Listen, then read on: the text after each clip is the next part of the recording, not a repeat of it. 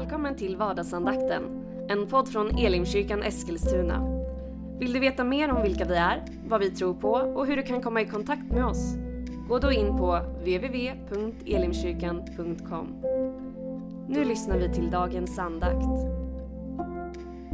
Välkommen till vardagsandakten. Jag heter Joel Backman, jag är pastor i Elimkyrkan i Eskilstuna. Vi är ju inne i julveckan. På söndag är det julafton. Och jag menar inte att stressa upp någon nu som kanske har lite kvar att göra. Vi har alla lite kvar att göra innan jul. Men nu ska vi läsa Bibeln tillsammans. Och se om vi inte kan ta med oss något av de här julberättelserna in i vår värld och in i vår tid just nu. Vi tror ju i Elimkyrkan där jag jobbar inte att det här bara är sagor eller vackra berättelser. Utan vi tror ju att det här är den händelse som verkligen förändrade världen för alltid. Att Gud själv blev inkarnerad, kom ner som människa i det här barnet i Jesus. Och det är såklart det stora. Att Jesus kom till vår värld. Att han växte upp, att han dog i vårt ställe, tog vår synd, vår skuld och på det sättet betalade vår skuld gentemot Gud. Så att det som står i Johannes kan bli verklighet. Att åt alla de som tog emot honom, alltså som tog emot Jesus, gav han rätten att bli ett Guds barn. Det erbjudandet står ju för dig och mig idag också. Men när Jesus kom till vår värld så var det den stora grejen. Men det finns mycket annat att också lära om oss och om Gud genom de här berättelserna.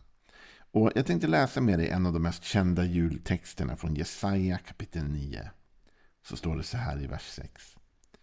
För ett barn blir oss fött, en son blir oss given. På hans axlar vilar herradömet och hans namn är underbar, eller under, rådgivare, mäktig Gud, evig far, fridsförste.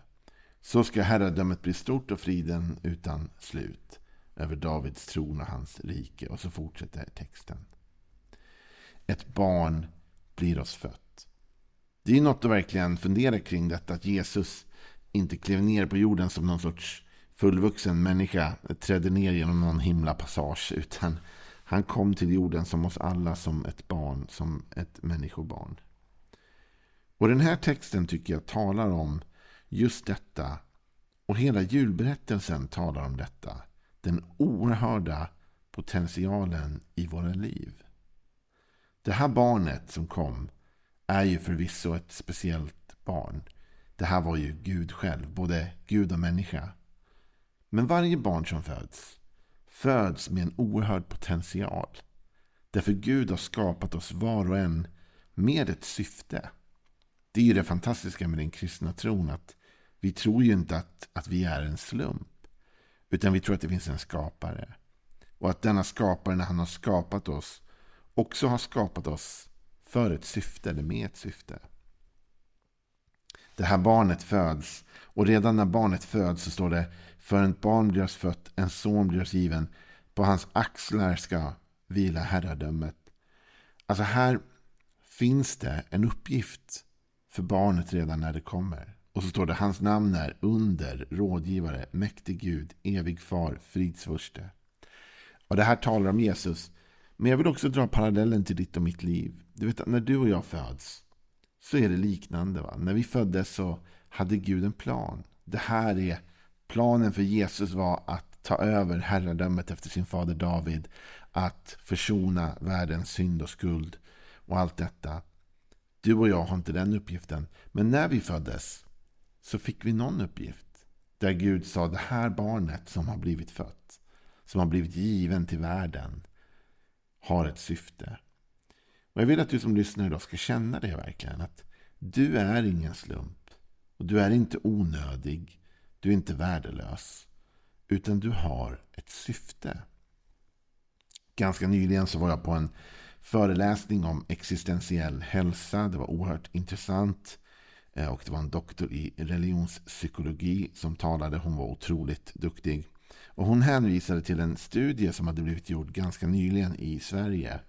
Där man frågade om, eh, om då människor i Sverige ansåg att deras liv hade någon mening. Om det hade något syfte. Och eh, nästan hälften av Sveriges befolkning, jag tror det var 42 eller 44 procent eller någonting, ansåg inte att man visste om ens liv hade något syfte eller någon mening. Det är ganska allvarsamt. Bibeln talar om att varje barn som föds har ett syfte och har en enorm potential. Jag tänker på den här julberättelsen. Jag tänker på alla de personer som spelar en avgörande roll. Det är såklart Jesusbarnet som är ju den förnämsta eh, personen. Men hans mor då?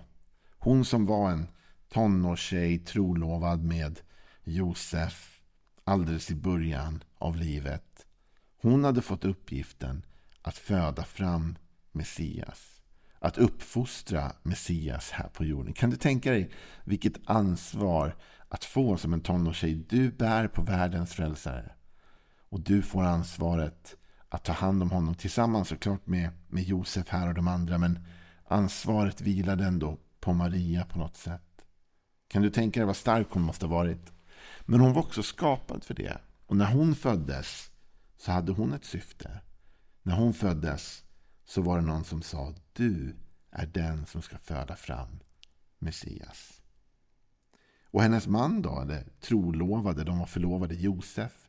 Han som var en snickare och som liksom precis hade hittat kärleken här i Maria och de skulle gifta sig och allt det där. Och så helt plötsligt så får han också en uppgift här nu. Att stå vid sin frus sida, hjälpa henne, stötta henne i den här kallelsen, vara med och uppfostra. Ja, så fortsätter berättelsen. Och så har du herdarna som ligger ute på ängen. Herdarna, det var ju liksom det var inte en arbetsgrupp som var högt uppsatt i samhället. Eh, ganska tvärtom. va. Herdarna var liksom inte jätteaktade. De ligger där ute på ängen. Och helt plötsligt så står en änglakör och sjunger för dem. Och säger nu är Messias född. Ni ska gå in i staden. Ni ska hitta stallet. Och där så ska ni berätta om det här. Och de får det här vittnesbördet och de tar vittnesbördet med sig in i stan. Och möter Jesus och allt det som sker. De hade sin viktiga del, sin viktiga roll i den här berättelsen. Och så har vi de visa männen. De som var lärda, utbildade och som kom någonstans ifrån. Va? Som vandrar in mot Jerusalem därför att de har hört då att någonstans kommer det nu födas ett barn. Så de vandrar och letar och till slut så leder stjärnan dem fram till Betlehem.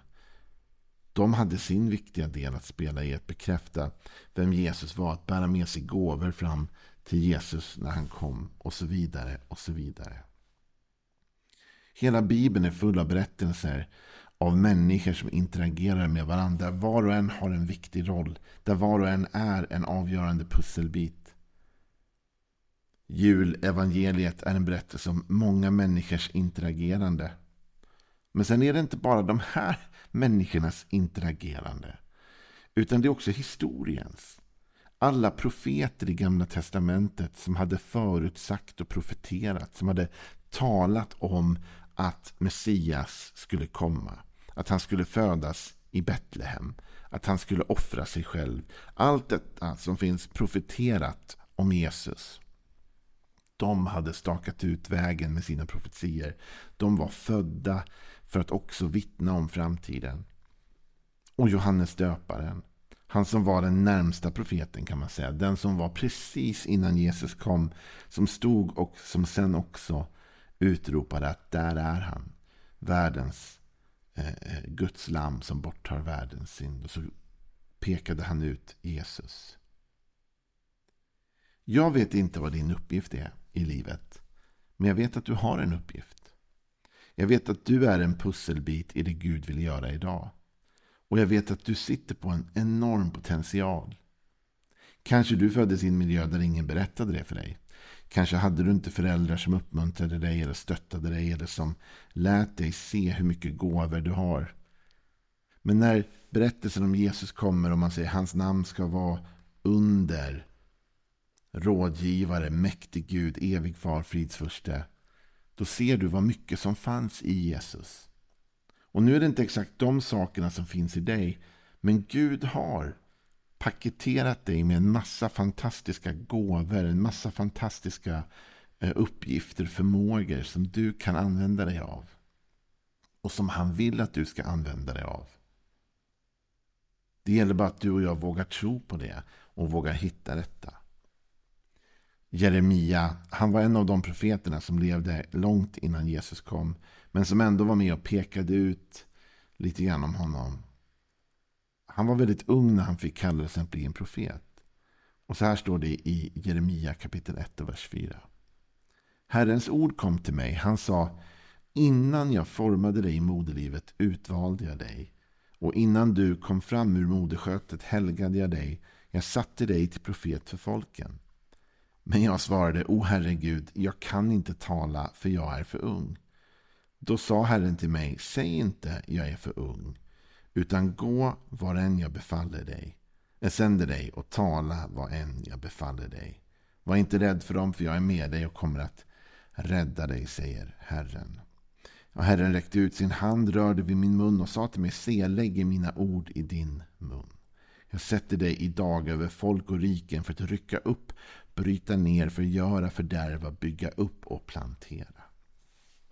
En otrolig text. Gud kommer till Jeremia och säger att du ska bli en profet. Ja, Jeremia han känner nog sig inte riktigt redo för det. Han känner att han är för ung. Han känner att han kan inte tala på det sätt som han borde tala. Men Gud säger, så får du inte säga. Utan jag har utvalt dig. Jag har kallat dig och format dig. Och Gud lägger sina ord i hans mun. Utrustar honom med de här gåvorna. Men inte bara det. Han ger honom ett oerhört mandat. Kan du tänka dig att Jeremia som inte såg sig själv som så mycket kanske. Han tyckte att han var för ung, han tyckte att han var för oerfaren, han tyckte att han inte var liksom en lämplig kandidat kanske för att vara en profet för folken. Ändå säger Gud till honom, jag sätter dig idag över folk och riken för att bryta, rycka upp och bryta ner, förgöra och fördärva, bygga upp och plantera. Han ger Jeremia uppgiften att vara en, en samhällsförändrare allt från att riva ner det som är dåligt till att bygga upp och plantera det goda och det nya. Vet du, du och jag vi kan känna oss väldigt otillräckliga ibland. Men julens berättelse, julevangeliet, talar om ett litet barn som föds. Och detta lilla barn har herraväldet på sina axlar. Detta lilla barn kommer att förändra världen. Men han är inte ensam i den storyn. Utan i den här berättelsen så har han sin tonårsmamma. Han har sin styvpappa Josef. Han har herdarna ute på fältet. Han har de vise männen som söker sig fram. Han har Johannes döparen som vittnar om honom. Han har också historiens alla profeter som har spelat sin del och sin roll i det här skådespelet om man kan säga så. När du föddes då hade Gud en plan för ditt liv. Och han visste vad han ville med dig. Och han har utrustat dig för att faktiskt fylla den funktion som han vill att du ska göra. Den här julen vill jag utmana dig att våga tro på det. Att inte säga att du är för ung, eller för gammal, eller för oerfaren, eller att du inte har de rätta verktygen. Utan jag skulle utmana dig att våga lita på att Gud visste vad han gjorde när han skapade dig och att det i dig finns en enorm potential. Om Gud gav en sån potential till Jeremia att till och med förändra hela nationer, ja då tror jag att han kan göra det och vill göra det även för dig och mig. Någonstans i denna stora berättelse har du och jag en roll att spela. Och vi får be Gud att han visar oss vad just din uppgift är och vad min uppgift är och ger oss modet att leva ut det. Ha en välsignad dag. Imorgon så är vardagsandakten tillbaka igen. Hej då. Du har nu lyssnat till vardagsandakten från Elimkyrkan Eskilstuna. Du har väl inte missat att vi finns på sociala medier? Eller att vi varje söndag firar gudstjänst? Hoppas att vi ses där.